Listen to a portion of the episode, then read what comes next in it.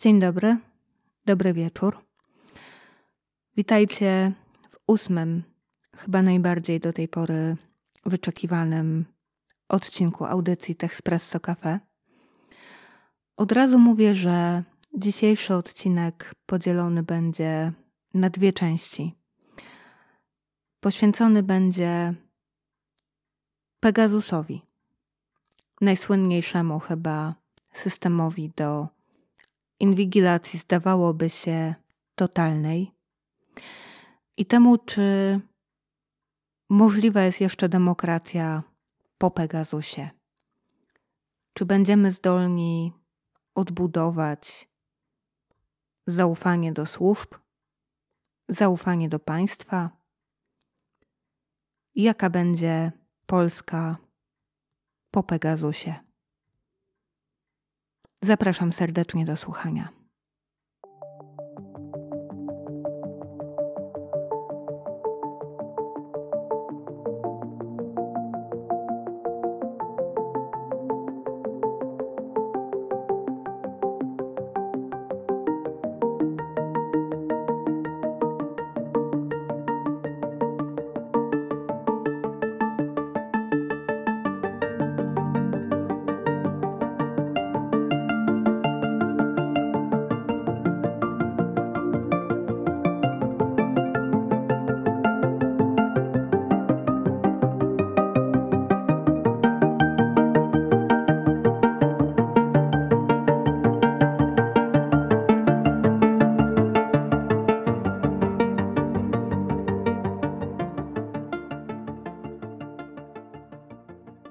Na samym wstępie chciałabym powiedzieć, że ja jestem tą osobą, która napisała pierwszy w Polsce artykuł o tym, że na telefonach logujących się do polskich sieci wykryto Pegasusa.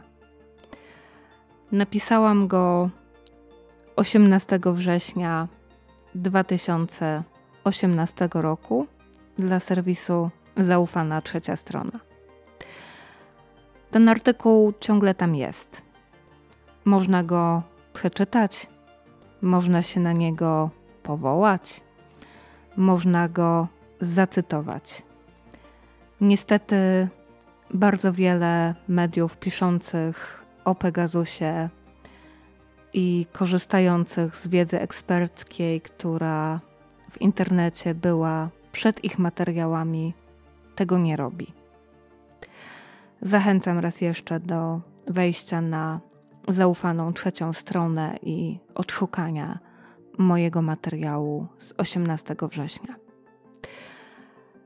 Napisałam tam wtedy, że bogate rządy mogą kupić gotowe narzędzia umożliwiające szpiegowanie podejrzanych obywateli nawet jeżeli obywatele ci korzystają z najnowszych iPhone'ów.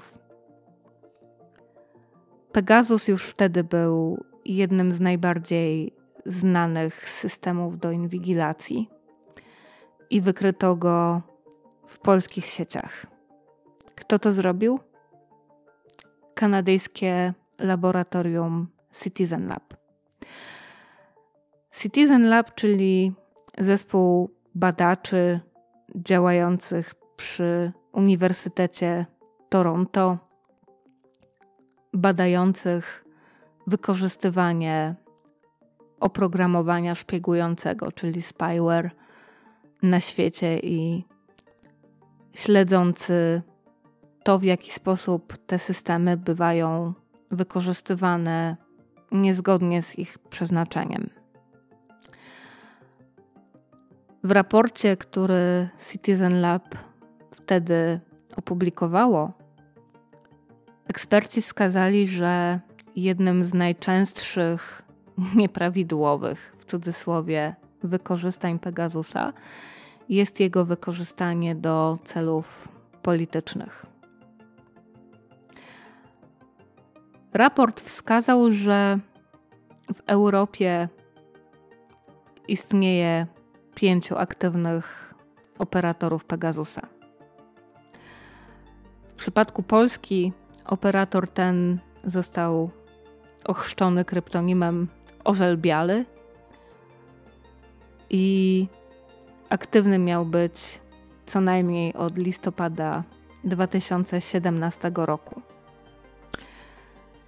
Citizen Lab wskazało, że polski operator Pegasusa nie prowadzi działań przeciwko celom zagranicznym. Uwagę ekspertów zwróciło to, że on działa lokalnie, wyłącznie lokalnie, czyli podsłuchuje Polaków. Polskie ofiary Pegasusa korzystały z bardzo różnych dostawców usług internetowych. Znaleziono ślady obecności tego systemu tak naprawdę we wszystkich dostępnych usługach.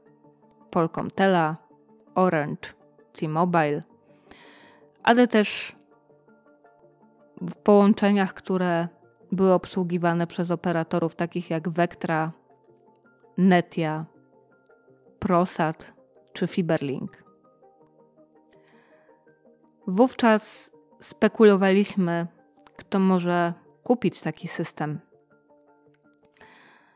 I wiedzieliśmy już, że Pegasus według swoich twórców jest sprzedawany tylko tym krajom, które chcą wykorzystywać go do walki z ciężką przestępczością, z terroryzmem. NSO Group, czyli firma, która Pegasusa rozwija i utrzymuje, zawsze twierdziła, że zanim komukolwiek sprzeda licencję na korzystanie z tego systemu, najpierw dokładnie bada, czy kraj ten nie narusza praw człowieka, czy nie wykorzysta tego systemu inwigilacji do nieuprawnionych celów.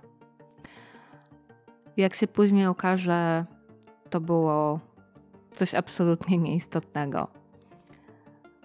Jednak wtedy, w tym 2018 roku, kiedy opublikowałam na zaufanej trzeciej stronie swój tekst, wiedzieliśmy, że system Pegasus, podobnie jak inne narzędzia, bo wtedy już też wiedzieliśmy, że są inne narzędzia tego typu, może zostać kupiony tylko przez tak zwane trzyliterowe służby. Czyli w wypadku Polski są to ABW, CBA, CBS. I wiedzieliśmy też, że CBA, czyli Centralne Biuro Antykorupcyjne, służba stworzona za tak zwanego pierwszego PiSu i dowodzona przez Mariusza Kamińskiego. W przeszłości już używała analogicznych narzędzi od innego dostawcy. Nie była to jedyna polska służba, która interesowała się narzędziami do inwigilacji. Później okaże się, konkretnie w grudniu ubiegłego roku, że istotnie to właśnie CBA kupiło Pegasusa za pieniądze pochodzące z Funduszu Sprawiedliwości, czyli z funduszu, który miał służyć ofiarom przestępstw. Fundusz ten posłużył do sfinansowania totalnego narzędzia inwigilacji. Ten odcinek nagrywam dla Was 3 października. To jest czas, kiedy dosłownie kilka dni temu okazało się, że prokuratura okręgowa w Warszawie została zobowiązana decyzją sądu do przeprowadzenia śledztwa w sprawie inwigilacji prokurator Ewy Wrzosek. Prokuratorka ta była inwigilowana z wykorzystaniem Pegasusa. To zostało ujawnione dokładnie 20 grudnia 2021 roku. Wtedy właśnie ten sam zespół Citizen Lab, który wymieniłam wcześniej, wskazał, że w Polsce inwigilowani są z wykorzystaniem tego systemu właśnie prokuratorka Wrzosek oraz mecenas Roman Giertych. Ewa Wrzosek, zanim doniesienia o inwigilacji zostały potwierdzone, dostawała na swojego iPhone'a takie techniczne ostrzeżenia od firmy Apple, która zakomunikowała jej, że może być celem działań szpiegowskich ze strony własnego rządu. Mecenas Giertych natomiast według tego, czego się dowiedzieliśmy, był inwigilowany aż 18 razy. To znaczy 18 razy operator Pegasusa, czyli w tym wypadku Centralne Biuro Antykorupcyjne, włamywało się na jego telefon po to, żeby pobierać z niego dane. No właśnie. Co to znaczy pobierać z niego dane? Co potrafi Pegasus?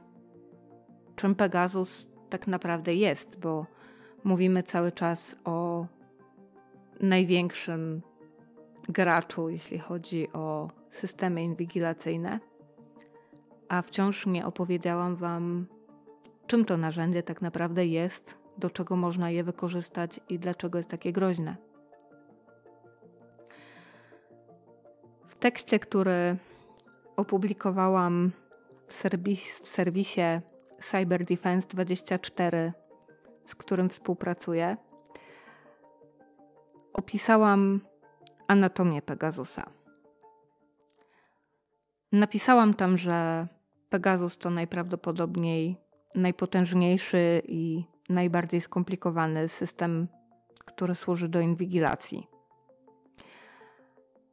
Tekst ten pisałam latem ubiegłego roku, czyli na długo zanim okazało się, że inwigilowane Pegasusem są osoby związane z polską opozycją. Latem ubiegłego roku, a konkretniej w lipcu, świat obiegły jednak informacje o tym, że rządy różnych krajów, również europejskich, wykorzystywały Pegasusa do inwigilacji. Słuchajcie, to jest spora liczba 50 tysięcy osób. Wśród nich byli dziennikarze, aktywiści, którzy działają na rzecz praw człowieka, ale także naukowcy, dyplomaci, politycy, prawnicy. Ta lista była bardzo długa. Można tam było znaleźć publicystów topowych tytułów prasowych z całego świata. Można tam było znaleźć działaczy broniących ofiar reżimów politycznych. I przez chwilę o Pegasusie zrobiło się głośno. Niestety była to chwila zbyt krótka, żebyśmy zainteresowali się tym na polu krajowym. Na to jeszcze musimy, tak jak powiedziałam, poczekać do grudnia. Jednak to był temat na tyle ważny, że napisałam tekst o anatomii Pegasusa. Pegasus to jest jedno z narzędzi inwigilacji, który nie do końca jest oprogramowaniem. To jest cały system szpiegowski. Tak jak już powiedziałam wcześniej, wyprodukowała go, utrzymuje go i licencję na niego sprzedaje izraelska firma NSO Group, która związana jest w pewien sposób z izraelskim rządem, z tamtejszym resortem obrony, z wojskiem i generalnie ma gigantyczne możliwości przerobowe, jeżeli chodzi o IT.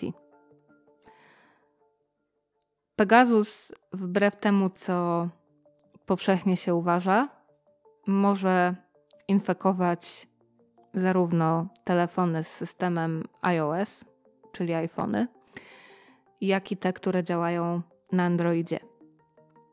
Takim najbardziej popularnym mitem na temat Pegasusa jest to, że osoby korzystające z Androida są bezpieczne. No nie są. Kiedy Pegasus został wykryty pierwszy raz, to było dwa lata przed moim tekstem dla zaufanej trzeciej strony w 2016 roku, czyli pomyślcie, to było literalnie 6 lat temu. Był instalowany u ofiar za pomocą metody spearfishingu. To jest metoda bazująca na socjotechnice.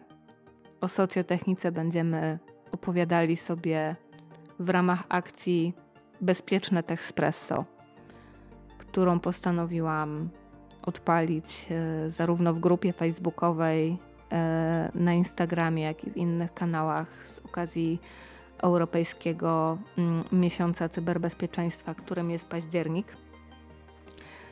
Więc wtedy w samych początkach ofiary Pegasusa były właśnie atakowane techniką spearfishingu, która wymaga od nich kliknięcia w złośliwy link.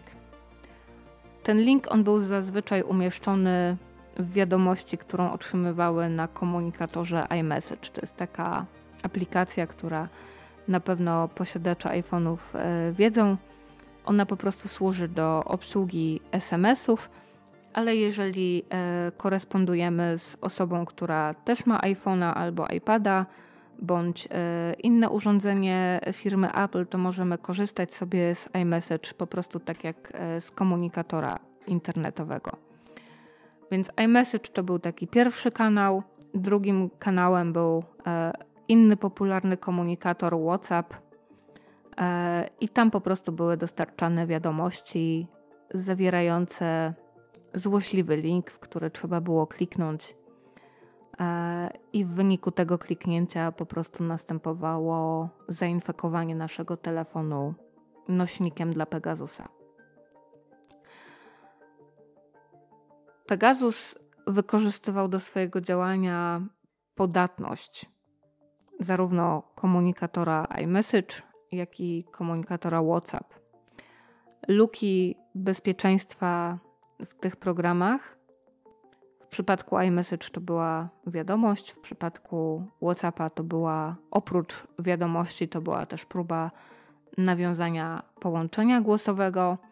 Te luki one stawały się taką bramą do systemu naszego telefonu. I dzięki temu właśnie Pegasus mógł odpalać się na tych smartfonach i pobierać dane. W momencie, kiedy ten system zostanie aktywowany na, tele, na, na, na telefonie ofiary, to może pozyskać w zasadzie wszystkie dane, które na tym smartfonie się znajdują, które przeglądamy, które wytwarzamy i przesłać je osobie, która tego Pegasusa używa, żeby nas y, nim inwigilować. Jakie dane można w ten sposób zebrać? To m.in. treść SMS-ów, maili, zapis czatów, które prowadzimy na Messengerze, na WhatsAppie, na Telegramie, czy też w innych komunikatorach. To oczywiście zdjęcia, to materiały wideo, to nagrania głosowe. Nie tylko te, które mamy już na naszym smartfonie zapisane, ale także te, które można korzystając z Pegasusa zrobić, aktywując y, na przykład aparat fotograficzny w naszym telefonie, czy też aktywując w nim mikrofon, aktywując y, kamerę wideo, bo Pegasus pozwala też na rejestrację obrazu i, i, i dźwięku. Jak i na zbieranie metadanych o tym, jak ważne są metadane mówiłam już y, w licznych postach i, i nie tylko. One czasami potrafią ujawnić na nasz temat znacznie więcej niż dane, które my świadomie wytwarzamy. Metadane to na przykład nasze dane geolokalizacyjne. W przypadku Pegasusa system ten jak najbardziej takie dane potrafi o swoich ofiarach gromadzić, zapisując dane z GPS-a, który mamy w smartfonie. I również te dane pozwalające na śledzenie tego, gdzie jesteśmy, dokąd idziemy, gdzie przebywamy, jak długo są przesyłane do operatora systemu.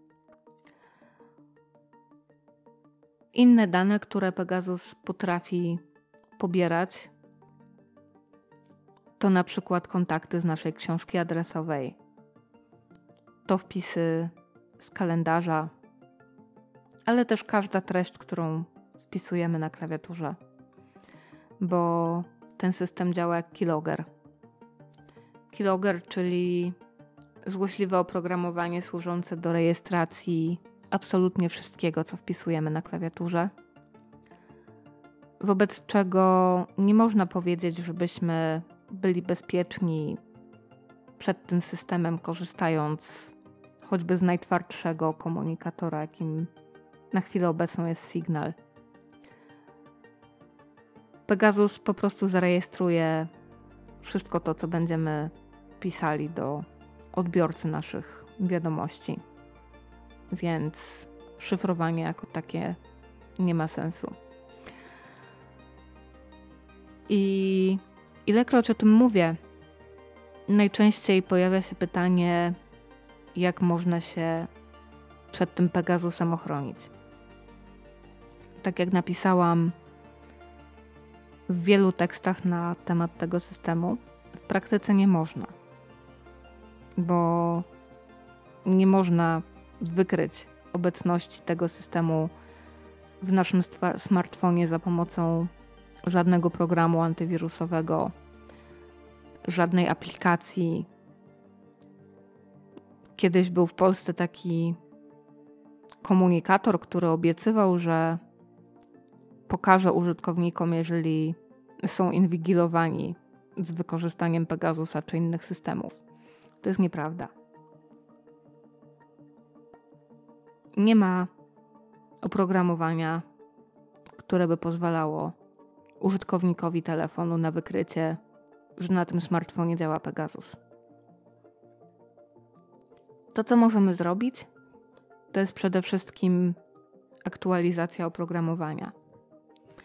To jest dbanie o to, żeby na naszym telefonie działała najnowsza wersja systemu operacyjnego, bo znany jest fakt tego, że firma Apple w miarę wykrywania nieprawości, których dopuszczali się znani nam operatorzy Pegasusa, wydawała kolejne łatki zabezpieczające po to, żeby użytkowników przed tym systemem ochronić.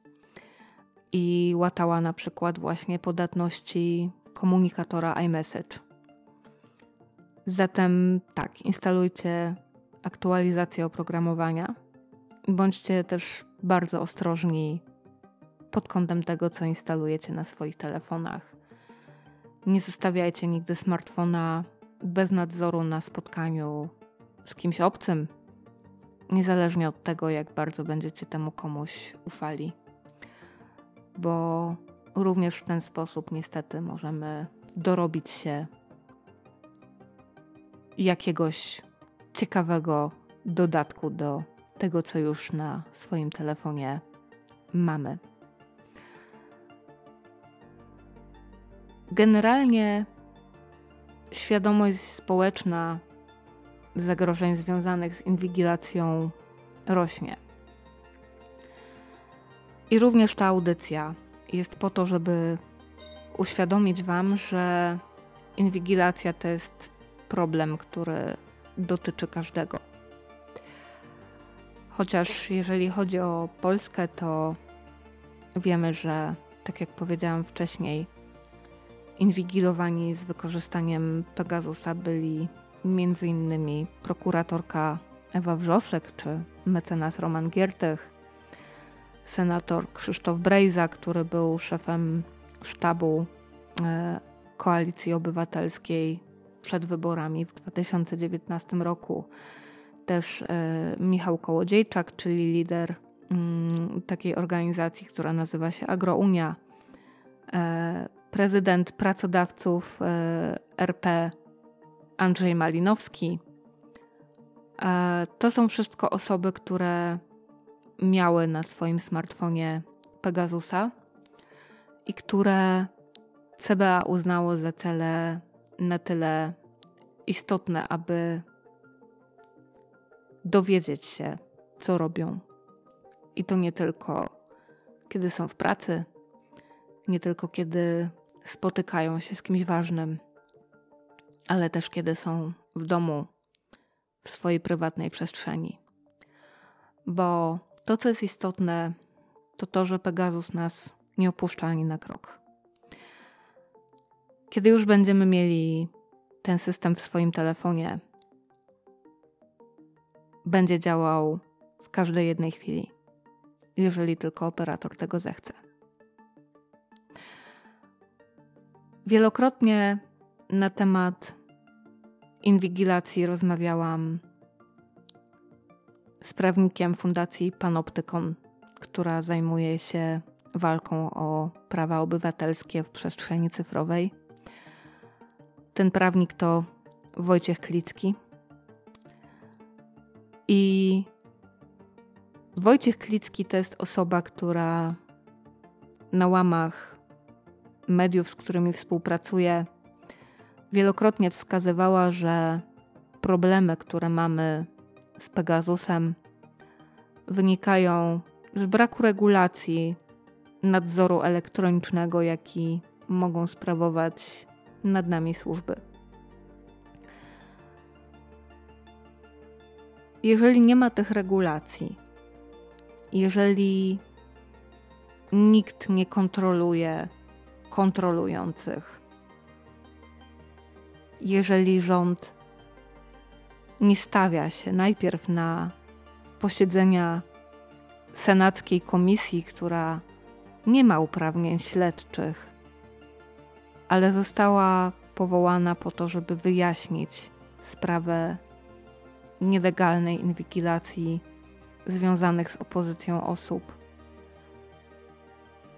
Jeżeli rząd nie stawia się na spotkanie z delegacją Komisji Parlamentu Europejskiego, która bada sprawę inwigilacji Pegasusem na forum Unii Europejskiej, to znaczy, że mamy problem.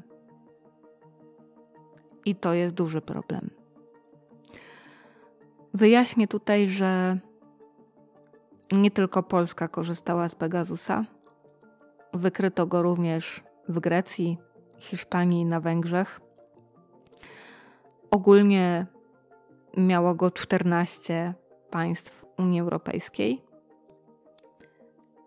I nie tylko w Polsce był on wykorzystywany niezgodnie ze swoim przeznaczeniem. Opozycja była z wykorzystaniem Pegasusa inwigilowana również w Grecji. Po ujawnieniu tego faktu w lipcu tego roku wybuchł gigantyczny skandal i szef służb wywiadowczych greckich, e, bratanek i, i taki najbliższy współpracownik greckiego premiera musiał podać się po tym do dymisji. W Hiszpanii również e, szefowa służb e, wywiadowczych podała się do dymisji. Tylko w Polsce nikomu nic się nie stało. A zarówno prokuratorka Ewa Wrzosek, Krzysztof Brejza, jak i mecenas Giertych są osoby, które są krytyczne wobec obecnej władzy i które wielokrotnie, niezależnie od tego, co sobie na ich temat myślimy, jak ich oceniamy, wskazywały na to, że ta władza po prostu działa wbrew interesom obywateli i wbrew interesom długoterminowym państwa polskiego. Zatem ewidentnie w cudzysłowie zasłużyli na to, żeby polskie służby przyjrzały im się bliżej. Mówię to z wielką ironią. Czy państwo, które w ten sposób się zachowuje, jest dla nas w ogóle bezpieczne? To jest pytanie, które bardzo często pojawia się właśnie w rozmowach z wymienionym już wcześniej Wojtkiem Klickim z Panoptykonu. Zarówno Wojtek, jak i jego fundacja zwracają uwagę, że nad tym, co robią polskie służby, nie ma praktycznie żadnego nadzoru. Fundacja Panoptykon postuluje powołanie takiego niezależnego organu, który będzie stanowił coś w rodzaju rady nadzorującej, komisji, po prostu ciała, które będzie odpowiedzialne za nadzór nad służbami. I rolą tego ciała będzie kontrola tego, czy działania operacyjne podejmowane przez służby są zasadne. To jest jedna kwestia. Druga kwestia to jest to, że zaufanie to jest relacja dwukierunkowa. Zaufanie obywatela do państwa może mieć miejsce tylko wtedy, kiedy my jako obywatele mamy świadomość, że państwo chociaż trochę ufa nam, a inwigilacja osób związanych z opozycją pokazuje, że państwo w ogóle nam nie ufa.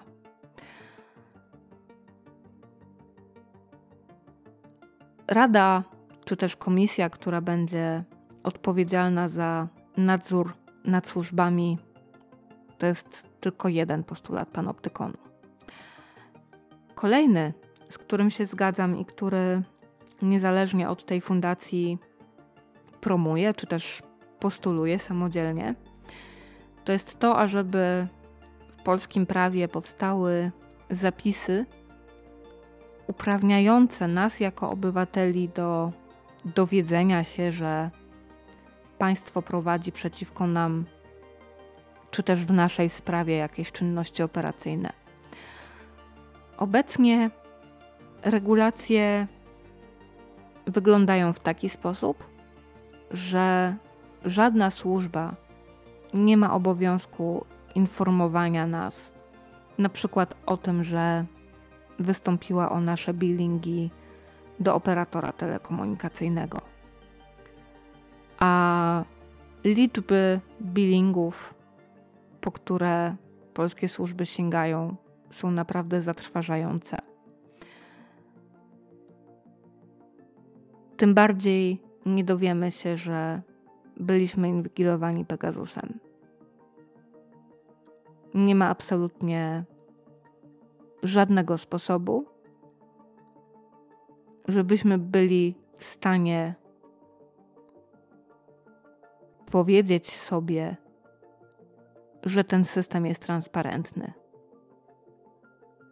Nie jest. Oczywiście, kiedy mleko się rozlało w grudniu ubiegłego roku, to przedstawiciele obozu władzy bagatelizowali kwestię inwigilacji, mm, zakupu Pegasusa. Jak pewnie pamiętacie bądź nie, e, początkowo w ogóle mówiono, że żadnego Pegasusa nigdy nie było. E, I, i, I skupiano się wówczas na takim mówieniu, że to znowu mm, opozycja ukręciła jakiś bat na władzę i, i okłada go, e, okłada ją sugerując, że właśnie mm, władza inwigiluje i, i korzysta z bezprawnych metod, i to jest strasznie dęta afera. I najgorsze jest to, że w pewnym momencie Polacy w to uwierzyli. Tak jak powiedziałam, e, inwigilacja prokuratorki Ewy Wrzosek i Romana Giertycha została ujawniona 20 grudnia. Wszyscy wiecie, co to jest za data. E, wszyscy wiecie, że Polacy w zasadzie idą wtedy na urlopy, przygotowują się do e, świąt Bożego Narodzenia, do końca roku. Jedni dopinają jakieś strasznie napięte plany w pracy, inni, tak jak powiedziałam wcześniej, już są w domu i się tam przygotowują do rodzinnych spotkań. Generalnie zainteresowanie kręceniem jakiejkolwiek afery tym czasie jest bardzo niewielkie. I to było pewne. Ja sama wtedy pamiętam, że pisałam ostatnie teksty i szłam na taki urlop, który zawsze biorę sobie e, pomiędzy świętami Bożego Narodzenia e, a świętem Trzech Króli. Zawsze na przełomie roku e, robię sobie taką dłuższą przerwę ja sama pisałam wtedy ostatnie teksty i zdawałam sobie sprawę, że ta afera za chwilę ucichnie. Bo oprócz tego, że dowiedzieliśmy się, że tu jest inwigilowana jakaś prokuratorka, e, tu jest inwigilowany Giertych, którego wielu ludzi nie lubi, do Towarzystwa Prawniczego e, też jest taka też są takie mieszane odczucia, bo, bo jednak e, kręgi władzy zrobiły bardzo wiele, żeby społeczeństwo myślało o środowisku prawniczym, e, o prokuraturze, o wymiarze sprawiedliwości negatywnie. Więc jakby nikt nie będzie ich żałował, tak? I dodatkowo w gruncie rzeczy bardzo wiele osób nie wie, czym ten Pegasus jest, czym jest ta inwigilacja, na czym to wszystko polega. A więc to, co się wydarzyło, nie stanie się tematem rozmów przy świątecznym stole i nie będzie budziło żadnych emocji. Jako media mm, podjęliśmy rękawice pisania o tym wszystkim, informowania, że to się wydarzyło. Jednak z drugiej strony, jako aktywistka działająca na rzecz prywatności, miałam takie poczucie przegranej, że tego kalibru sprawa wybucha w zasadzie na cztery dni przed Wigilią. I absolutnie nikt nie zrobi nic, żeby ją należycie doświetlić i wyjaśnić. Ta sprawa nie przeciucha całkowicie, ale debata na temat Pegasusa inwigilacji jako takiej przeniosła się do specjalistycznych mediów, które jednak nie są dla każdego czytanką do kawy i nie korzysta z nich wcale tak wiele osób, jakby się mogło wydawać w cudzysłowie autorom tych tekstów. Te media specjalistyczne, one też nie podjęły debaty etycznej. One tylko opisały problem, który powstał w wyniku tego, że demokratyczna władza sięgnęła po niedemokratyczne, autorytarne narzędzia. Tak? To, jest, to, jest, to jest opisanie problemu na poziomie szkolnym po prostu, bo e, opisywanie tego tak prostymi kategoriami, że tu mamy demokratycznie wybraną władzę, a tu mamy narzędzia, z których korzystają autorytaryzmy, to jest e, przedstawienie tej sprawy na poziomie, y, myślę, że mm, późnej podstawówki. I, I, nikt z nas nie zasługuje na to, żeby, żeby czytać to y, w tych kontekstach. Myślę, że zabrakło pary.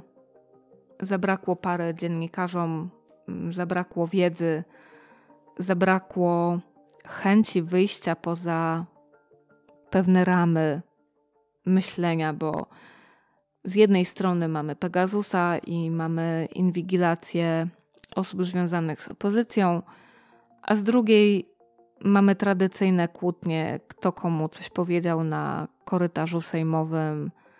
Mamy Kaczyńskiego, który coś tam, mamy PiS, który coś tam, mamy opozycję, która coś tam, a w sumie to nic. E, I mamy to właśnie takie polskie piekiełko, które tak jak wielokrotnie Wam piszę na Instagramie yy, i nie tylko, ono ma zdolność absolutnego wchłonięcia każdej ważnej debaty, jaką my mamy tutaj w Polsce do odbycia. Przez to, że jest to polskie piekiełko, my jako społeczeństwo nie jesteśmy w stanie nic zrobić, jesteśmy skazani na to, że ten wspomniany wcześniej Kaczyński wyjdzie i powie, że sprawa Pegasusa e, jest jednym wielkim wymysłem. E, I tutaj pozwolę sobie zacytować prezesa dosłownie e, z wywiadu, którego udzielił Polskiemu Radiu 24. Sprawa Pegasusa jest po prostu bajką o jakimś smoku, który tutaj biegał po Polsce, tylko takiego smoka nigdy nie było. No był, był i e, trzeba pogodzić się z tym, że rzeczywistość nie sprowadza się do partyjnych kłótni, ale, ale to jest y, poziom, który proponuje nam y, lokalna sfera publiczna.